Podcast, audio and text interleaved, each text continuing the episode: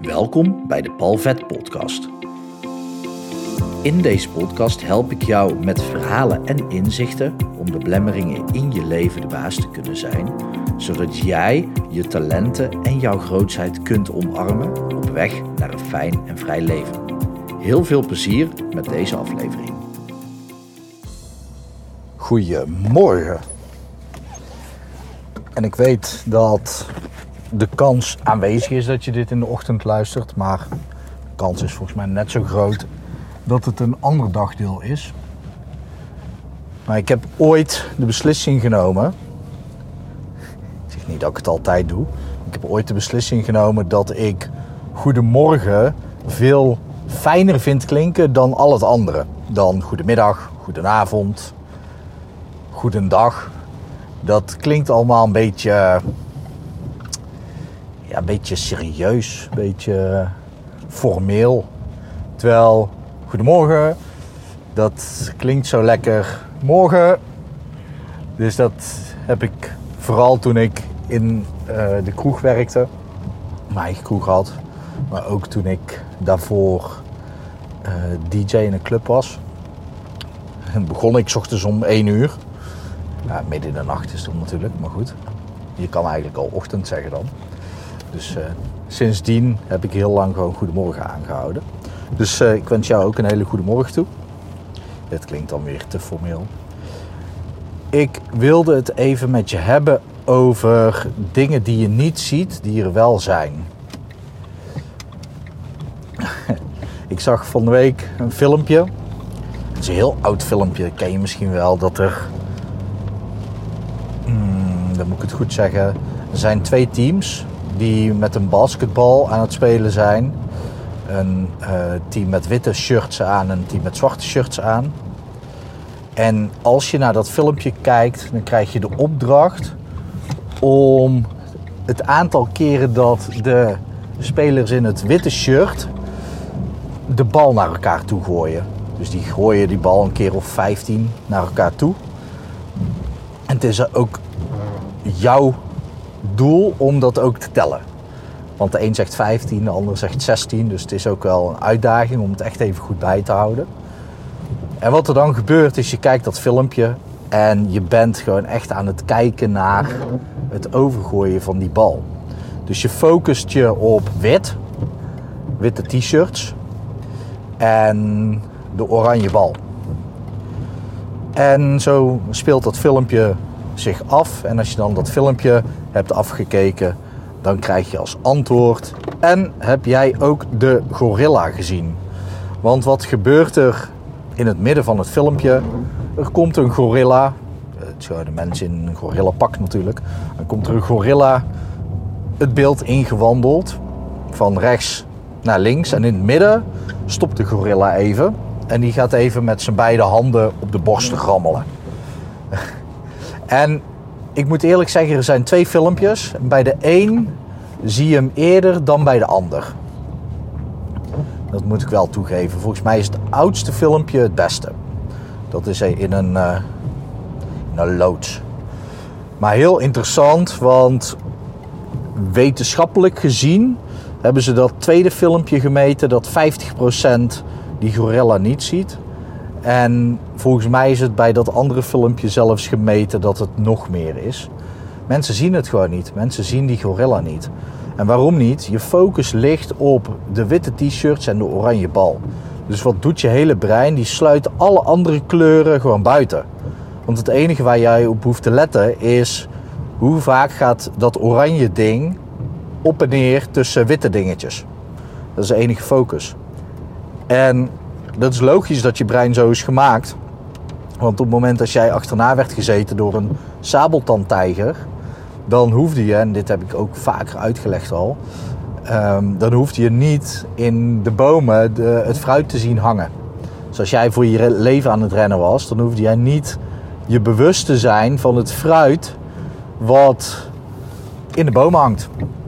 Je hoefde dan ook niet te gaan overleggen van hé hey jongens, hier hangt fruit wat we kunnen eten. Nee, je was alleen maar bezig met overleven. Dus dat fruit dat ging gewoon langs je heen. Je was alleen maar gericht op de sabeltandtijger. Het kon dan ook zomaar gebeuren dat je dan opeens in de armen van een beer vloog. Heet dat armen? Ja, vast wel. Maar dan word je opgegeten door de beer omdat je focus lag op de sabeltandtijger. En zo is jouw brein gemaakt. En wat heb je hier nou aan? Nou, allereerst wetende of gewoon beseffen, dat is het meer. Besef je dat er in de wereld heel veel meer gebeurt dan dat jij waarneemt. Want je hebt gewoon een focus in je leven ontwikkeld. Dat is een systeem in jou. Dat heb je ontwikkeld om te overleven en ervoor te zorgen dat het zo min mogelijk energie kost. Dus die opdracht heeft jouw hele systeem meegekregen om te overleven en ervoor te zorgen dat het je zo min mogelijk energie kost. Hierdoor ben je ook verslaafd aan gister. Maar als je gisteren een oplossing voor een probleem niet zag, dan is de kans groot dat als jij dit principe wat ik je ga uitleggen niet toepast, dat je nog steeds gewoon niet de oplossing gaat zien. Want de oplossing ligt buiten jouw focus. En dit is heel interessant, maar het dringt voor heel veel mensen vaak nog niet door.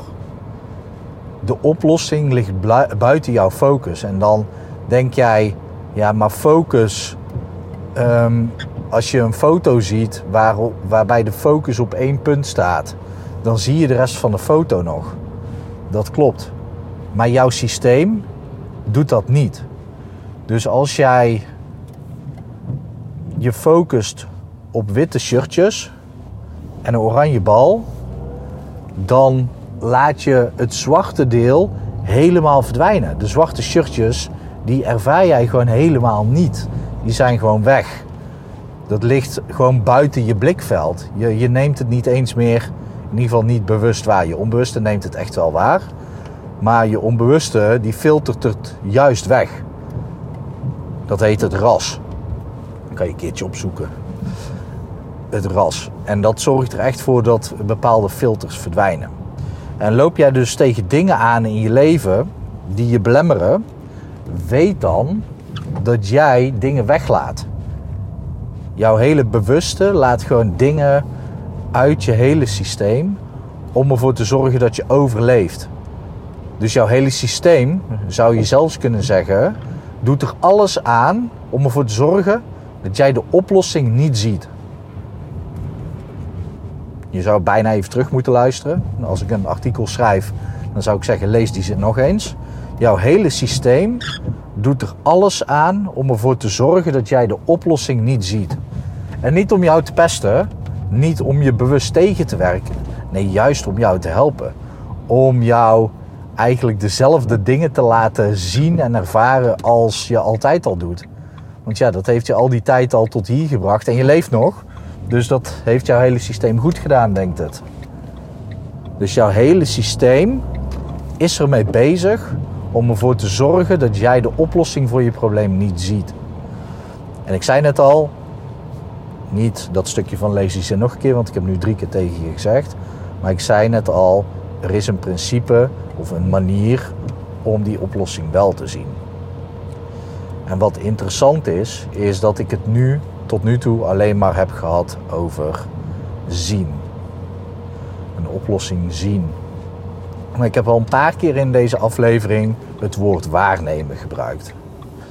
En waarom? Omdat je dingen waarneemt met vijf zintuigen. Niet alleen met je ogen, niet alleen met je visie, niet alleen met je zicht. Ook met de andere vier. Horen, ruiken, voelen en proeven. En dan is er nog een interessant iets. Dan, je luistert een podcast. Overigens, deze hele week zie ik echt alleen maar het getal 33 of 333. Dus als je weet wat dat betekent, laat mij even weten, want volgens mij eh, zegt het me iets. Ik heb soms wel iets met getallen. Uh, ik hou ook wel van actie ondernemen. Ik had daar laatst met een collega-ondernemer over die zei: Ja, als je een beetje spiritueel bent en je ziet de juiste getallen, ben je op het juiste pad. Ja, dat klopt. Eh, maar dan moet je nog steeds wel dingen doen in plaats van achteroverleunen en denken dat het wel goed komt. Maar dat even terzijde. Met je andere zintuigen neem je dus ook dingen waar. Je gebruikt niet alleen zicht. En dat is mooi. Want je luistert nu een podcast. En in een podcast, in een hypnotherapie sessie helemaal, is taal het aller, allerbelangrijkste. En met taal kan jij er ook voor zorgen dat jij jouw focus gaat veranderen. Dat jij een perifere blik gaat krijgen. Dus niet gefocust op één ding, maar heel breed dingen gaat zien. Ik heb hier een keer al een podcast over opgenomen. Je kunt een oefening doen. En volgens mij is het geen podcast, volgens mij is het alleen een artikel op mijn Instagram. Ehm, je, je kunt een oefening doen door één punt voor je te pakken. En gewoon in je, in je huiskamer, zeg een punt op 2,5, 3 meter afstand. En dan hou je je beide handen zo, dat je door je handen heen naar dat punt kijkt. Dus je handen strek je helemaal voor je uit. En je kijkt door je handen heen naar dat ene punt. En wat je dan gaat doen is, terwijl je naar dat punt blijft kijken, ga je je handen opzij bewegen. En je brengt je handen steeds verder opzij. Zodat je je linkerhand die gaat dan van 12 uur naar 11 uur naar 10 uur. En je rechterhand die gaat van 12 uur. Ze zitten niet precies op 12 uur natuurlijk, want dan zie je het punt niet meer. Maar die gaat dan door naar 1 uur. En dan weer door naar 2 uur. En zo ga je je handen steeds verder uit elkaar brengen. En wat er dan uh, gebeurt is dat je en blijft focussen op dat ene punt voor je. Maar tegelijkertijd je beide handen probeert te blijven waarnemen. En dat is echt geniaal. Want op het moment dat je dat doet, dan kun je dus, terwijl je handen blijft waarnemen, ook je perifere blik trainen. En op het moment dat je je blik letterlijk traint, dan ga je dus ook meer dingen waarnemen in je leven. Je zal zelfs merken als je deze oefening doet, dat je echt je handen zo ver mogelijk wijd naast je houdt, terwijl je recht vooruit blijft kijken. En dan je blik traint om ervoor te zorgen dat je je handen blijft waarnemen. Er zijn zelfs mensen die beweren dat ze hun handen zelfs achter hun ogen kunnen brengen. Hun handen zo ver mogelijk helemaal naar buiten en naar achter strekken en dan nog steeds hun handen kunnen waarnemen. En dat is een interessant iets. Maar op het moment dat je dit een paar minuten traint, dan zal je merken dat de rest van je dag dat er meer in je blikveld komt. Dus dat is een manier om letterlijk meer dingen te zien. Maar je kunt dus ook taal gebruiken. Je kan taal gebruiken om misschien te denken van oké, naast alles wat ik nu niet zie, wat zou ik wel kunnen horen? Gewoon letterlijk die zin uitspreken.